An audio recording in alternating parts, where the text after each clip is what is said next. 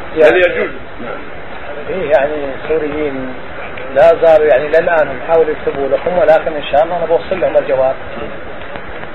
خطب البنت من أهلها وقال مشينا نوريك الشقة في سوريا وراحت معاه ويوم راحت معاه قال خلاص نبيع قدور لنا عقب يومين خلنا نصل الحين